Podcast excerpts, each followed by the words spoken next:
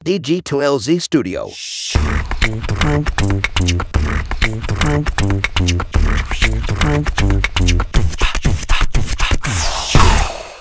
Selamat pagi, siang, sore, atau kapan pun waktu yang teman-teman pakai untuk mendengarkan podcast ini. Kembali lagi bersama saya Panji di podcast Ngobrol Bisnis. Kali ini uh, versi monolog ya. Sekarang tanggal 13 bulan Agustus tahun 2022 jam 10.17. Hmm, harusnya saya hari ini uh, ngisi kelas untuk Altek ya untuk Bank Indonesia uh, wilayah Bangka Belitung. Cuman karena uh, kayaknya ada miskom sehingga pesertanya yang hadir cuman sedikit gitu. Jadi dari panitia dari Altek prefer untuk di cancel gitu, diundur lah lebih tepatnya. Jadi uh, berhubung saya udah di depan komputer, sorry minum dulu dan hari ini uh, eh dan dan belum ada jadwal untuk podcast uh, ngobrol bisnis yang harus rilis uh, Senin besok. Karena Senin kemarin udah libur ya. Uh, uh, dan apa ya lama-lama jadi beban ya ini ya sebenarnya podcast tadi jadi mau refleksi mau jadi refreshing gitu. Uh, karena ada aja yang suka nanyain gitu kok nggak rilis? Aduh uh, aduh. Uh, gimana ya Hmm, ya saya akan berusaha rilis uh, tiap minggu. Cuman memang kalau tidak bisa, ini kan saya nggak dapat duit ya dari podcast ya, dari bukan pekerjaan. Jadinya uh, ada sih dapat duit ya kadang-kadang gitu. Cuman kalau yang tidak dapat duit kan uh, bukan berarti nggak semangat gitu. Cuman ya kadang-kadang kan harus kita lagi sibuk gitu. kita lagi sibuk jadinya nggak sempat uh, ngerilis gitu. Cuman uh, apa namanya? Ya nggak apa-apa ini saya isi uh, dengan podcast monolog dulu ya untuk uh, konten hari Senin besok. Dan uh, mau ngebahas apa sebenarnya ya? Oh, ada mungkin hmm, seminggu terakhir ini saya mengalami beberapa hal yang menarik sih sebenarnya menurut saya ya uh, mudah-mudahan menurut teman-teman juga yang pertama adalah ini kan kelas Altek uh, tadi ya seperti saya bilang harusnya hari ini ngisi kelas uh, untuk Bank Indonesia uh, di wilayah Bangka Belitung atau area Bangka Belitung tentang materi keuangan. Sedangkan uh, dua hari yang lalu eh nggak beruntun sih pokoknya uh, dari hari Kamis, Jumat dan Sabtu ini harusnya tuh ada tiga kelas dengan uh, Bank Indonesia wilayah yang berbeda-beda. Kalau nggak salah Kamis itu Solo Raya, uh, Jumat itu eh atau kebalik ya? Iya Kamis itu Solo Raya, Jumat itu kemarin adalah BI BI Kaltim, uh, Kamis BI Solo Raya, uh, Jumat BI Kaltim dan harusnya sekarang BI uh, Solo ya. Cuman mm, yang eh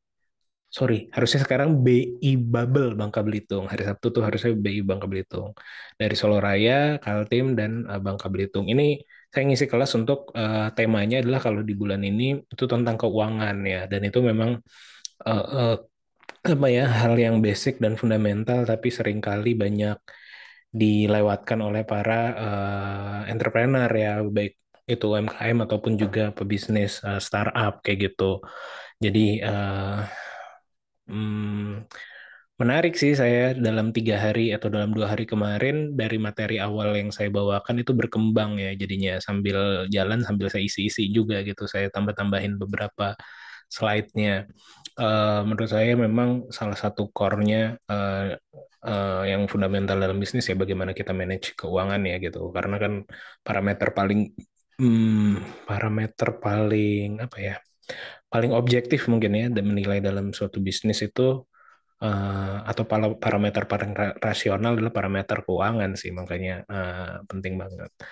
Dan uh, sharing untuk teman-teman UMKM agak menantang sebenarnya ya kalau buat saya gitu karena uh, apa namanya ya uh, mungkin lebih diperbanyak contoh gitu ya pengalaman dari bulan-bulan sebelum sebelumnya dan juga lebih praktikal gitu Makanya kemarin saya keidean uh, bikin sebuah simulasi gitu ya, uh, sebuah simulasi cerita tentang memulai bisnis yang saya ambil karakternya dari eh, tokoh lampau eh, apa namanya tuh iklan layanan masyarakat Indonesia gitu. Nggak tahu nih yang usianya seusia saya pada ingat nggak ya? Jadi kalau zaman dulu tuh ada ada karakter uh, tokoh uh, apa ya iklan layanan masyarakat itu uh, yang namanya Acong, Sitaurus sama Joko ya. Joko, Acong sama Sitaurus. Nah itu jadi saya pakai dan saya bikin kayak simulasi main-main mereka kalau bikin bisnis seperti apa.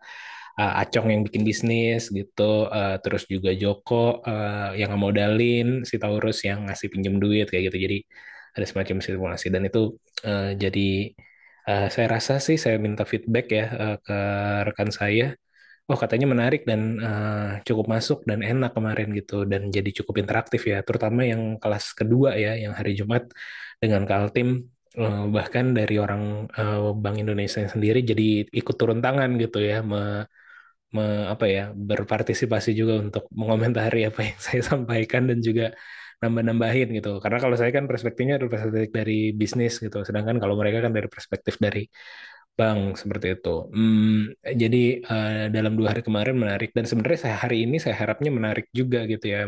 Materinya mudah-mudahan bisa bertambah lagi dan berkembang gitu ya. Uh, tapi ya lagi-lagi sayangnya dari uh, ada miskomunikasi mungkin ya dari tim Altek dan juga uh, peserta UMKM dari Bangka Belitung jadinya belum bisa terlaksana. Uh, mudah-mudahan uh, nanti akan terlaksana lagi berikutnya. Uh, Terus uh, semalam itu uh, saya nonton ulang uh, karena udah ada di Netflix ya. Saya nggak tahu istri saya, istri saya belum nonton. Saya nonton ulang uh, War Dogs ya tuh. Eh, War Dogs apa penjudulnya? Bentar, coba kita cari. Iya betul, War Dogs ya, uh, film uh, komedi gitu ya. Uh, apa namanya? Uh, yang main Jonah Hill sama Miles Teller ya. Uh, film komedi, drama komedi lah ibaratnya ya, uh, atau film uh, war komedi kalau di ngeliat di Google nih, ada di Netflix saat ini ya kalau teman-teman mau nonton. Sebenarnya secara spesifik membahas film ini di podcast uh, udah pernah saya lakukan ya, nggak nggak spesifik, tapi waktu itu di podcast monolog juga, kayaknya episode awal-awal saya tuh ngebahas tentang uh, industri pertahanan ya atau industri uh, war industry atau apa ya? Defense ya defense in industry defense gitu ngebahas terkait dengan Tony Stark film gitu ya. Terus juga ngebahas di situ ngebahas War Dogs terus juga ngebahas ada filmnya uh, Nicolas Cage itu uh, aduh saya lupa judulnya. Pokoknya tentang uh, arms dealer juga ya. Jadi War Dogs ini tentang arms arms arms, arms dealer gitu. Dan mengingatkan saya lagi gitu uh, bahwa memang um, industri uh, peperangan atau industri uh, apa namanya uh, pertahanan lah ya. Kalau kita nggak ini in, perang jadi industri kan agak apa namanya ya agak kayak mor morally uh, uh, morally wrong gitu lah ya sebenarnya. Uh, jadi industri pertahanan itu uh, tadi ada beberapa film ya, filmnya War Dogs dan uh, uh, Nicolas Cage itu saya lupa judulnya apa. Jadi mengingatkan saya lagi gitu bahwa uh, memang ini industri yang menarik, terus juga bagaimana kita bermain dengan government gitu. Bahkan ada salah satu scene atau dialog ya um, di War Dogs ini yang baru saya tonton semalam itu um, yang yang bilang uh, tapi ini terkait industri perangnya ya uh, yang bilang di dialognya atau narasinya di situ bilang perang itu eh ya perang lah ya ya perang itu adalah bisnis kayak gitu. Kalau ada orang yang bilang perang itu hal yang lain uh, uh, dan apa namanya uh, dan apa gitu saya lupa ya. Pokoknya uh, antara dia terlibat di di bisnis tersebut atau dia politisi atau apa pokoknya kayak gitu lah kurang lebih. Jadi sebenarnya ya kalau dalam konteks kekinian uh, apalagi dengan budget perangnya Amerika dan negara-negara lain itu uh, ya itu adalah bisnis gitu. Tapi menurut saya buat buat kita uh, yang pebisnis yang bisnisnya bukan di bidang defense tapi mungkin agak berkaitan gitu ya terkait dengan misalnya hmm, government atau juga misalnya terkait dengan tender dan segala macam, menurut saya film ini sangat baik ya untuk ditonton ya. Bagaimana kita belajar dealing juga gitu dengan government, dengan situs-situs tender gitu. Eh, karena menurut saya eh, Akhirnya beberapa waktu yang lalu juga ada kawan yang masih nge-DM saya, apa bukan masih ya, yang DM saya di Instagram gitu dan bilang eh, nanyain, Ji lo eh, masih main proyek-proyekan kayak gitu. Eh, eh, walaupun saya nggak tahu intensinya seperti apa, tapi saya eh, mungkin karena saya sen- sensitif juga kali ya. Tapi saya merasakan sentimen gitu. Atau ya sebenarnya nggak nggak cuma itu gitu. Eh, tapi banyak juga teman-teman yang kayak, oh lu main di government, government eh, seperti ini seperti itu. Ada ada sentimen-sentimen khusus lah. Banyak yang suka nanya seperti itu gitu. Eh, menurut saya sih eh, apa ya dan saya, saya masih melakukan itu ya apa maksudnya saya masih eh, ngikut tender atau bahasa orang proyek kayak gitu. Jadi kayak konotasinya kan kurang oke kayak gitu.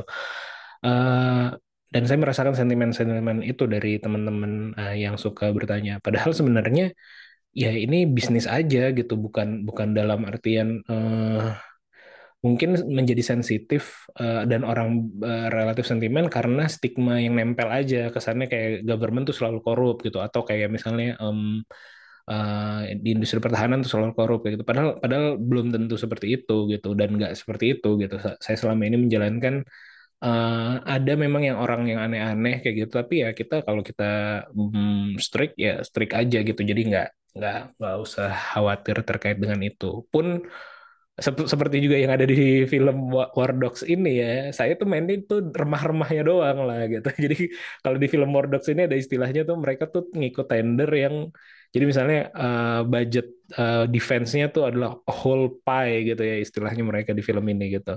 Uh, mereka tuh bukan ngincer whole pie-nya, tapi hanya sekedar crumble-crumble yang ada uh, uh, apa remah-remah yang ada di pinggirnya yang mereka incer gitu. Jadi bukan pemain besar eh, pada awalnya ya kalau di film ini kalau eh, spoiler alert di film ini nanti mereka akan berkembang jadi lebih gede gitu. Nah, saya juga kayak gitu gitu. Eh, makanya beberapa waktu lalu ada salah satu senior saya juga eh, almarhum ya, baru almarhum habis lebaran kemarin gitu.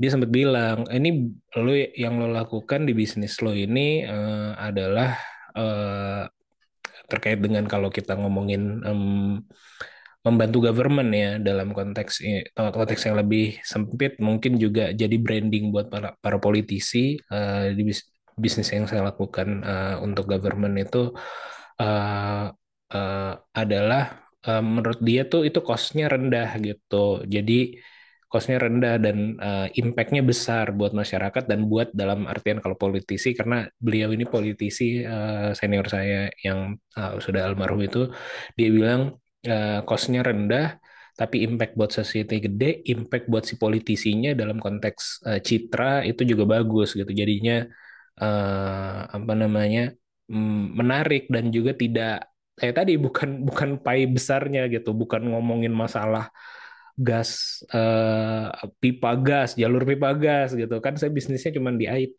kayak gitu dan dan itu hal yang eh, relatif remah-remah lah gitu. Ada juga yang IT yang eh, whole pie juga cuman saya jarang lah menyentuh yang ke situ-situ gitu, yang pinggiran aja gitu, yang yang apa namanya, yang ke- kelewat sama orang aja gitu. Hmm, dan itu pun juga udah lumayan lah kalau menurut saya kayak gitu. Eh ya jadi patut ditonton menurut saya rekomendasi mumpung ada di Netflix. eh eh terkait dengan itu, ini juga lucu sih sebenarnya. Jadi eh, War Dogs ini sebenarnya ada pengalihan saya juga ya semalam nonton tuh karena eh semalam itu eh, adalah jadi ada eh, ada ada deadline ya, ada deadline eh, beasiswa dan saya dua hari atau tiga hari terakhir ini lagi ragu mau apply apa enggak gitu ya. Eh, ada beasiswa Australia gitu yang eh, yang apa namanya yang cocok banget buat saya gitu Eh, terkait dengan G20 dan juga digital transformation something like that lah kayak gitu di di di di beasiswa Australia Award kayak gitu. Eh, dan saya ragu untuk apply-nya gitu karena satu saya belum terlalu feeling gitu apa namanya belum terlalu ingin. Saya kan kalau yang suka dengerin saya di podcast ini ketika saya ngobrol sama teman-teman yang S2 S3 gitu yang sudah selesai atau sedang kuliah S2 S3 uh, saya selalu bilang ah gue pengen kuliah lagi tapi uh, masih belum ada tindak tindak lanjutnya gitu ya. Belum ada tindak lanjutnya kayak gitu.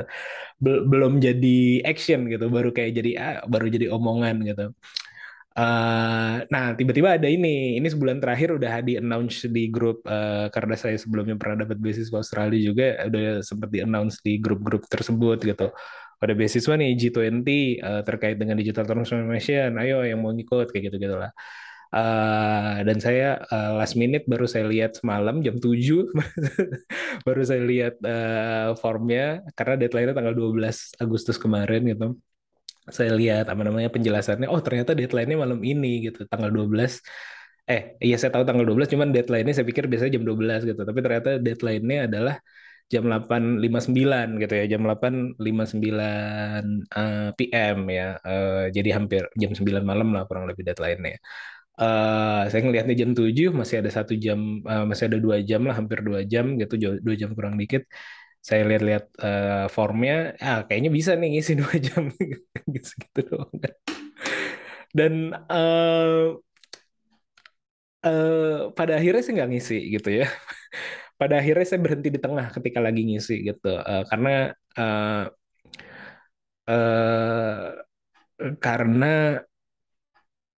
saya pede, saya pede sih untuk uh, terpilih gitu. ini juga sih istri saya tuh ah, apply aja dulu belum tentu kepilih. Kalau saya bilang kalau saya apply pasti kepilih gitu. Entah itu karena kepedean atau apa tapi saya uh, uh, apa namanya nggak tahu ya. Itu nanti kita bahas juga ya masalah PD itu. Uh, cuman terkait beasiswa akhirnya saya berhenti apply. Maksudnya belum belum berhenti apply bukan karena uh, ya PD sih PD PD banget gitu. Bahwa pasti kepilih lah kalau kalau apply. Karena bidangnya cocok gitu ya satu bidangnya cocok. Terus saya lihat kampus-kampusnya juga ya ini uh, sesuai banget sama pekerjaan yang saya lakukan atau aktivitas yang saya lakukan uh, di bisnis kayak gitu. Uh, jadi jadi jadi uh, kalau apply beasiswa sih pasti keterima kayak gitu. Feeling saya kayak gitu. Cuman uh, saya tersentil dengan salah satu pertanyaan uh, dan saya khawatir uh, saya berdosa gitu ya untuk uh, ketika saya apply dan diterima tapi pengetahuan saya tentang um, konsep uh, sekolah itu sendiri tidak uh, dalam gitu ya uh, konsep belajar banyak yang yang rasanya lebih berhak gitu. Akhirnya saya saya berhenti gitu. Saya saya berhenti di pertanyaan. Uh, jadi emang udah saya cek semua sampai slide akhir gitu kan. Jadi kalau Australia Award itu dia kayak apa sih namanya? Kayak Google Form gitu lah kayak Google Form. Jadi ada page 1, page 2, page 3 sampai page 8 sampai page 10 gitu. Udah saya saya lihat-lihat semua. Oke okay, saya bisa isi nih. Cuman saya berhenti di kayaknya di page 5 apa page 6 gitu ngisi pertanyaan. Karena ada ada atau di awal-awal ya saya juga lupa tapi udah saya lihat sampai akhir uh, karena ada yang nanya uh, apa ada pilihan kampus. Oke pilihan kampus sudah bisa pilih tuh. Ada satu preference. Dan saya, saya milihnya cuma satu doang gitu. Saking pede aja saya itu uh, saya milihnya tuh uh, orang kan bisa nambah preference gitu. Preference pilihan kampus satu ada preference kampus dua kayak gitu. Dan saya ini nggak bagus juga ya. Uh, tapi cuma nanti akan kita bahas juga uh, apa tadi? Nah, ya ada pertanyaan yang membuat saya berhenti itu adalah uh, uh, oke okay, kampus jurusannya apa? Nah itu di bawahnya tuh ada pilihan uh, tip type of study ya kalau nggak salah type of study itu ada tiga opsi gitu type of study itu yang pertama itu adalah course coursework yang kedua adalah research yang ketiga adalah combine gitu uh, uh, uh, saya nggak tahu itu apa. Dan saya baru googling semalam gitu. Jadi uh, ternyata kalau S2 itu uh, kalau di luar negeri mungkin nggak tahu kalau di Indonesia apakah begitu apa enggak gitu. Kalau di luar negeri itu ternyata ada tipe S2 tuh yang mau uh, jadi setelah saya cari tahu ya uh, coursework itu adalah jadi kayak S1 gitu. Jadi kayak ada kelas terus juga jadi kalau empat semester itu eh, S2 kan 4 semester lah kurang lebih gitu, tiga atau empat semester gitu. Nah, kurang lebih di tiga semester awal, dua semester awal, tiga semester awal itu ada kelas, mereka harus attend eh, kelas eh, secara reguler kayak gitu. Terus juga atau S3 juga kayak gitu gitu, ada ada yang kayak gitunya. Tapi kalau research ya full research gitu. Di hari pertama dia kuliah udah mulai hmm, udah mulai langsung research gitu, tidak wajib uh, atau uh, tidak ada SKS untuk kelasnya kayak gitu. Kalau Indonesia ya tidak ada tidak ada kredit untuk kelas. Ada beberapa kelas yang perlu dia ikuti, tapi itu kaitannya dengan penajaman risetnya, bukan penambahan pengetahuan terkait dengan uh, knowledge atau kampus yang dia pilih kayak gitu. Uh, lalu yang combine, nah itu yang combine yang mungkin mengkombinasikan dua itulah secara harfiah aja saya artikan kayak gitu. Uh, kalau nggak salah nih ya, kalau ada yang lebih tahu dan lebih jago terkait dengan uh, definisi itu, uh, silakan kasih tahu saya. Itu saya baca sekilas-sekilas doang. Di tengah tadi ya, di antara jam 7 sampai jam 9 untuk saya mau apply itu uh, tadi malam kayak gitu. Tapi uh, akhirnya saya berhenti karena pertanyaan itu gitu. Akhirnya saya googling walaupun saya tahu dan saya akhirnya menyesuaikan juga kampus yang saya pilih dia menyediakan coursework apa research kayak gitu uh, bisa saya pilih Cuman saya berhenti karena uh, karena tidak enak. Maksudnya uh, itu aja saya nggak ngerti gitu loh. Uh, apa ya pengetahuan bahwa sekolah tuh ada ada yang kayak gitu gitu, ada yang research, ada yang coursework. Uh, saya pikir kuliah ya kuliah aja gitu. Kuliah tuh kayak saya pikir ya pemikiran saya adalah kayak S1 aja gitu ya, kayak coursework pada umum, kayak istilahnya mungkin coursework gitu. Saya pikir ya satu sekolah tapi ternyata ada juga yang tipikalnya uh, research kayak gitu. Uh, tapi itu me, sama pertanyaan yang di bagian akhir itu ada uh, alasan ada ada pertanyaan uh, jelaskan kenapa kamu memilih institusi ini atau ngambil bidang studi ini gitu. Uh, dan dia uh, apa uh, deskripsi deskripsi dari pertanyaan tersebut adalah ya jelasan juga apa yang sudah kamu research terkait dengan kampus ini, apakah jurusan ini uh, terbaik di mana, yang kayak gitu-gitu gitu loh. Nah, saya ngerasa uh, saya bisa aja ngarang gitu ya terkait dengan hal tersebut gitu, tapi uh, uh, tadi ya balik lagi saya jadi takut ngerasa berdosa. Uh, uh, karena saya tidak begitu research terkait dengan kampus. Saya cuma search, uh, jadi dari research saya cuma searchnya doang gitu. Jadi mereka udah ada platform gitu, di mana kita mau nyari jurusan uh, kampus atau uh, apa namanya bidang studi atau prodi apa yang mau kita ambil gitu. Di Australia itu enak lah kayak gitu. Jadi kita bisa tahu, misalnya saya mau nyarinya terkait dengan digital business kayak gitu. Nah itu keluar listnya. Nah udah langsung saya tulis list itu doang aja gitu. Dan saya cuma ngambil satu opsi itu gitu.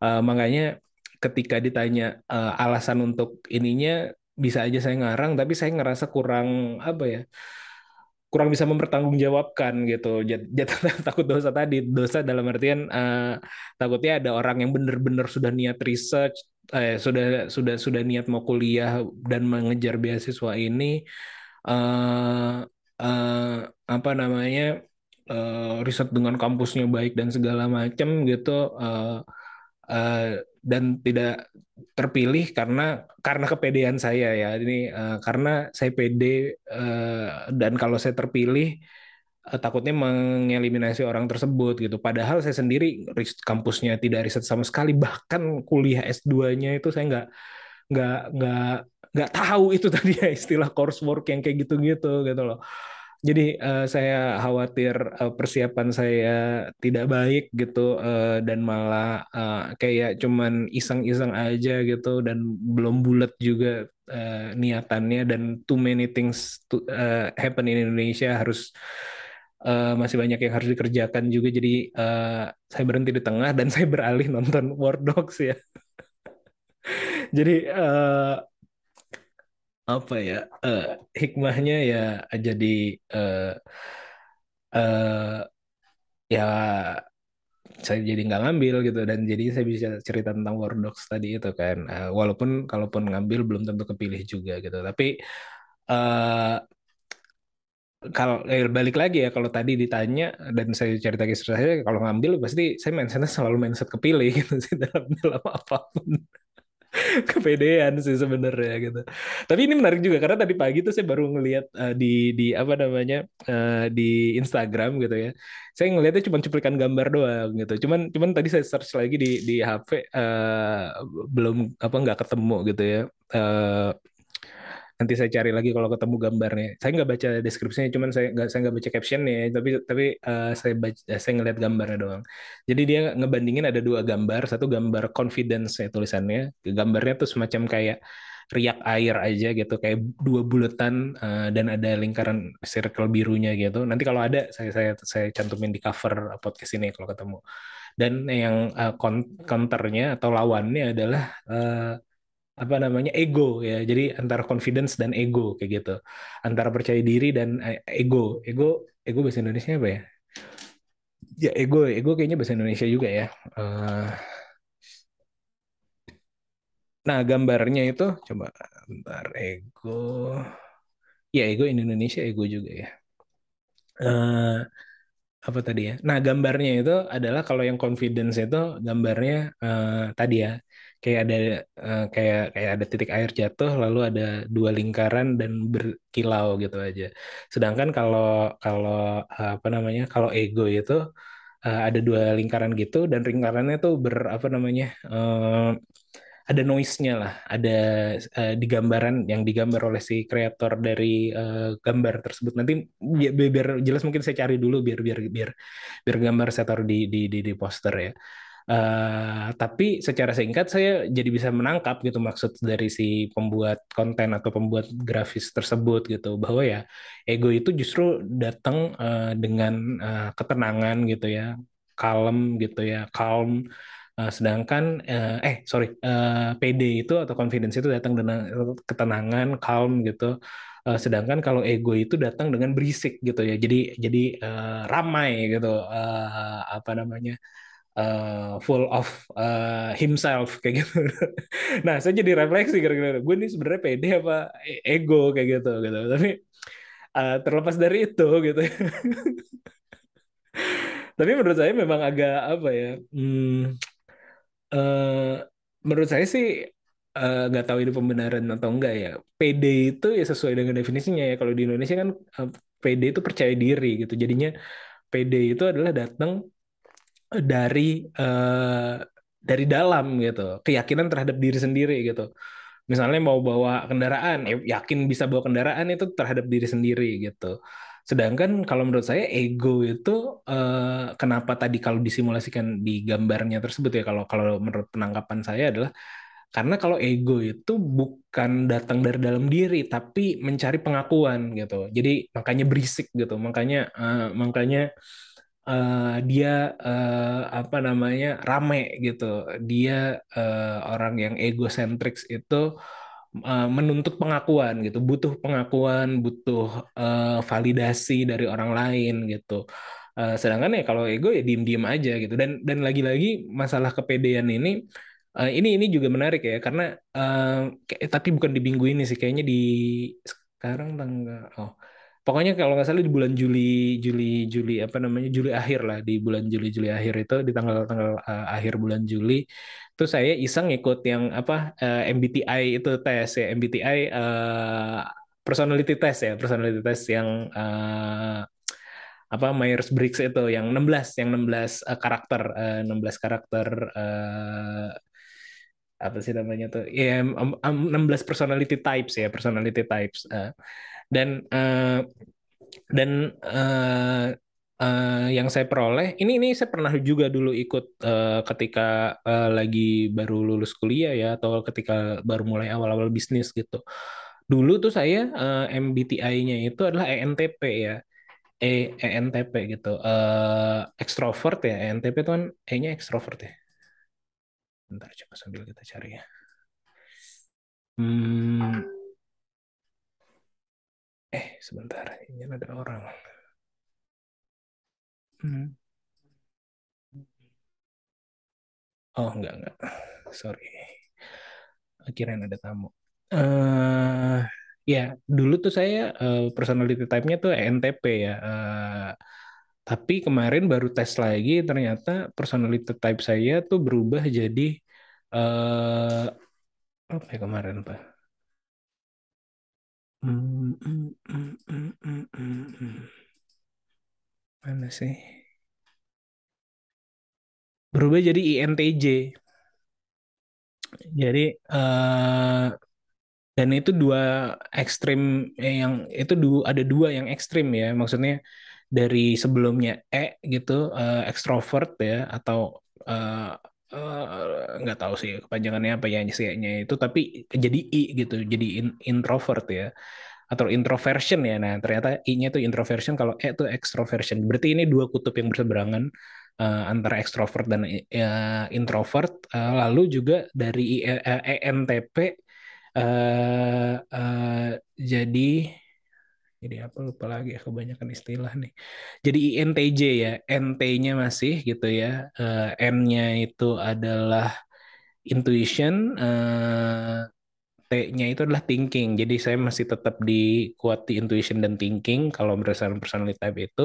Tapi E-nya berubah jadi I, eh, terus eh, P-nya perceiving eh, berubah jadi judging gitu. Dan ini dua kutub yang berbeda juga ya.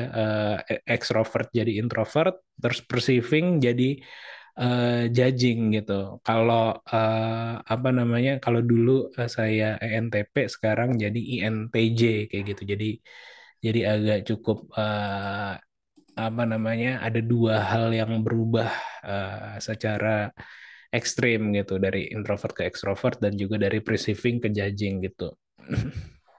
Eh, dan saya memahami ini nggak masalah sih sebenarnya karena pindah-pindah pun, eh, bahkan kalau teman-teman baca yang eh, mungkin yang muda-muda belum terlalu engah ya, tapi ketika ngikut eh, MTBI ini nggak nggak ini adalah bukan posisi yang fix gitu, itu akan selalu dinamis berubah. Bahkan kalau eh, dibaca dengan detail, kalau kita mau eh, kita bisa ngikut lagi setiap lima bulan sekali karena mungkin eh, itu bisa berubah-berubah gitu.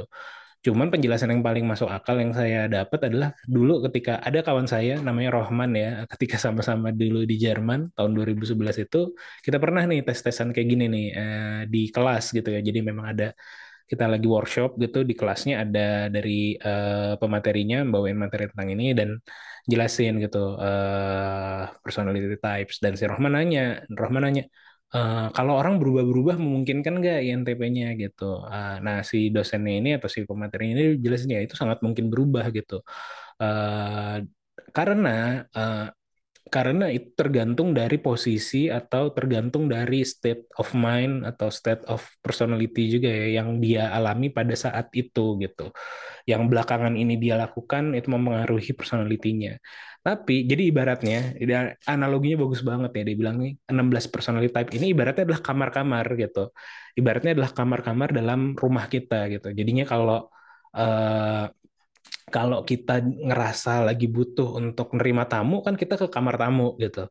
Kita ke ruang tamu gitu. Kalau kita lagi mau istirahat ya kita ke kamar tidur gitu. Kalau kita mau ke WC itu ke kamar mandi gitu. Jadi dan dan setiap eh, ruangan ini berbeda gitu kebutuhannya berbu- berbeda eh, apa namanya eh, peruntukannya kayak gitu. Dan personality type juga kayak gitu. Makanya kita bisa bergeser tadinya dari INT apa tadi saya INTP jadi ENTJ kayak gitu. Atau mungkin nanti dalam prosesnya juga bisa berubah-berubah lagi gitu. Sesuai dengan eh, kapasitas atau sesuai dengan posisi yang lagi dia inginkan atau lagi dia eh, dalami pada momen tersebut seperti itu.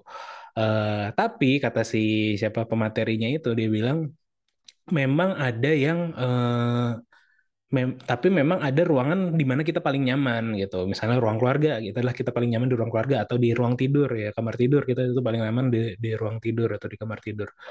Jadinya itu adalah eh, apa namanya? Itu adalah personality type yang paling nyaman buat kita sebenarnya posisi kita di mana. Tapi ketika kita beraktivitas, kita berorganisasi, kita bekerja, bersosialisasi, itu bisa bergeser. Kita tergantung pindah di eh, kamar atau di ruang yang mana. Dan dan eh, ya itu juga yang jadinya saya pegang gitu ketika dalam perjalanan, ketika eh, misalnya ternyata sebenarnya adalah saya seorang introvert gitu ya tapi ketika dituntut untuk jadi ekstrovert dalam periode waktu tertentu ya bisa-bisa aja gitu. Atau tadinya saya adalah seorang yang perceiving gitu, ketika sekarang lebih banyak yang sifatnya judging gitu ya, bisa-bisa aja kayak gitu sesuai dengan eh, activity atau uh, aktif apa ya namanya hmm, hmm, tanggung jawab yang saat ini lagi dijalankan kayak gitu. Jadi uh, nggak ini juga gitu, uh, ngaruh juga gitu. Nah apa uh, itu tadi gara-gara ngebahas PD ya. Jadi jadi uh, PD itu poinnya adalah bukan terkait dengan biasanya kan orang yang dikesankan PD adalah orang yang ekstrovert kayak gitu yang kelihatannya kayak uh, apa ya uh, uh, uh, ya ekstrovert gitu tapi enggak juga gitu. Karena saya sebenarnya uh, tingkat kepedeannya saya rasa saya cukup tinggi uh, tapi kalau dilihat kenyamanan dan melihat aktivitas saya uh, belakangan dan juga uh, circle pertemanan yang kecil gitu kayaknya sih saya seseorang yang introvert kayak gitu uh, dan berdasarkan tes tes ini gitu ya paling tidak gitu jadinya uh, jadi sebenarnya nggak ngaruh gitu. Cuman cuman menurut saya uh, uh, batasannya uh, antara ya tadi ya uh, introvert itu eh, introvert tapi PD itu sih lebih ke percaya diri gitu. Uh, percaya diri sendiri. Sedangkan kalau ego itu balik lagi ke tema yang tadi ya. Ego itu tadi berisik lah menurut saya. Pengen pengen pembuktian pengen pengakuan gitu. Uh, dan efeknya jauh lebih gede ketika itu jadi ada di teamwork ya atau ada di perusahaan kita gitu atau ada di bisnis yang kita jalankan gitu. Uh, makanya seorang pemimpin menurut saya itu nggak bagus kalau egois gitu. Uh, atau seorang bahkan nggak nggak mesti pemimpin ya bagian dari tim itu uh, nggak bagus kalau egois gitu. Karena ego itu uh, menyebabkan menurut saya uh, dampaknya ya karena dia ingin butuh pengakuan dia uh, cari validasi gitu menyebabkan uh, menganggap efeknya yang menurut saya menganggap orang lain jadi tidak bisa sebaik dia kayak gitu Padahal dalam uh, tim, uh, dalam bekerja dalam tim, kita harus mengapresiasi orang yang uh, jauh lebih bagus dari kita justru gitu loh. Uh, kita harus bisa uh, apa ya menerima dan mengakomodir orang yang lebih bagus dari kita. Jadi kesannya nanti kalau orang yang egois ini, yang egosentrik saya, yang egosentrik ini ya nggak ada yang sebaik dia dalam mengerjakan sesuatu gitu. Terus juga nggak ada nggak menerima pendapat yang lebih bagus gitu. Dan bahkan efeknya tidak menerima solusi baru gitu nanti ujung-ujungnya gitu makanya uh, itu menurut saya ego itu sangat harus ditekan dan tidak bagus untuk di bisnis gitu ya. As a personal lo juga sangat gak bagus buat karir lo kalau lo punya uh, sifat egosentrik dalam diri lo kayak gitu. Uh, percaya diri itu bagus gitu tapi kalau ego tuh berisik lah ditinggalin aja kayak gitu. Jadi jadi uh, dan dan ini juga ya uh, uh, masih di minggu ini juga ya minggu lalu saya itu baru nonton uh, konsernya Ahmad dan uh, konsernya Dewa ya di mana ada Ahmad Dhani uh, salah satu personilnya pendiri dan personilnya juga dan kalau di kalangan uh, apa orang-orang ya dari orang-orang kan orang selalu bilang tuh uh, Dhani tuh uh, egosentris gitu ya uh, Ahmad Dhani tuh egosentris gitu belagu bahkan jatuhnya gitu ya uh, karena saking ego egosentrisnya gitu. Tapi kalau menurut saya dia tuh pede sih, eh, bukan ego ya. Karena entah ini saya di karena saya nggak kenal juga ya. Saya kan melihat dia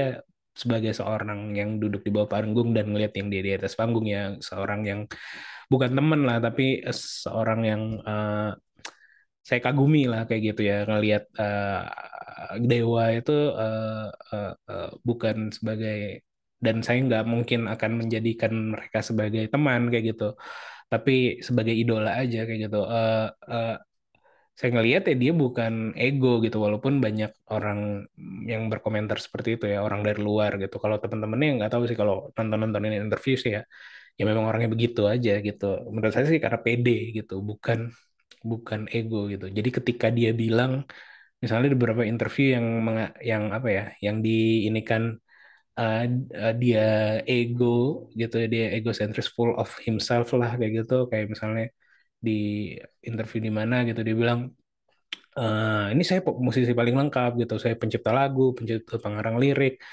uh, produser juga gitu punya manajemen apa segala macam gitu ini yang yang ini gitu. Nah menurut saya karena dia believe in himself aja gitu karena dia percaya diri aja gitu atau ketika dia bilang ini nih ini lagu eh, lagu yang paling bagus yang pernah saya di Dewa bikin nih yang ini nih gitu. Eh, ada lagunya tahun eh, di akhir-akhir eh, Dewa al- album Dewa lah itu lagu paling bagus nih tapi market nggak suka gitu. Jadi eh, menurut saya bukan karena ego tapi karena dia be- believe in himself kayak gitu. Eh, dia percaya dirinya tinggi gitu sangat-sangat tinggi.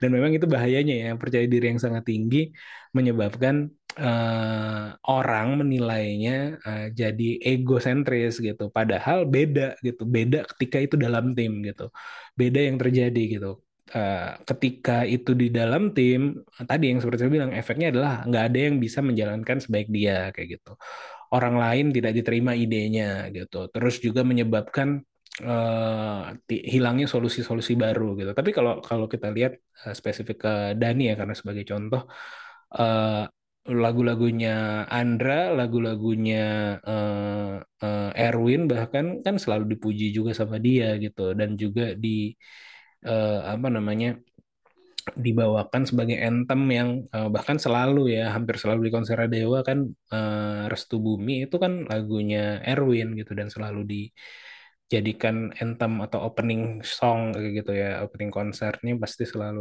eh, Erwin. Jadi menurut saya sih eh, beda aja persepsi orang ya mungkin saya juga dibutakan karena tadi ya eh, mungkin ngefans gitu jatuhnya tapi eh, eh, ya begitulah Eh, menurut saya antara ego dan eh, pede gitu. Di hari yang sama saya juga nonton konsernya Panji tapi udah pernah saya bahas di video eh, di YouTube saya ya nanti. Di hari yang sama saya nonton Panji saya nonton eh, Panji Pragiwaksono ya saya nonton Dewa 19 lihat aja di videonya atau reviewnya di YouTube saya di di YouTube saya nanti dilihat aja kayak gitu sebelum video ini berarti Gitu aja mungkin eh, podcast ngobrol bisnis ngalur ngidul versi monolog pada hari ini. Eh, sampai ketemu. Mudah-mudahan minggu depan udah ada bintang tamunya, udah ada narasumbernya. Eh, ada sih yang beberapa yang email eh, minta apa namanya di panggung eh di panggung minta di interview kayak gitu. Cuman saya belum sebelum dia lihat lagi gitu. Sama belakangan kayaknya kalau belum kenal-kenal banget bayar lah ya gitu. Kalau udah kenal boleh lah gitu. Cuman kalau nggak bayar. Eh nggak lah bercanda bercanda bercanda. Ya, ntar saya lihat-lihat dulu yang udah email. Eh, ada ada dua sih kalau nggak salah. Saya lihat-lihat dulu eh, orangnya seperti apa. Eh gitu aja sampai ketemu lagi udah tadi ya sampai ketemu di podcast ngobrol bisnis berikutnya semoga ngalor ngidul ada manfaatnya Eh, bye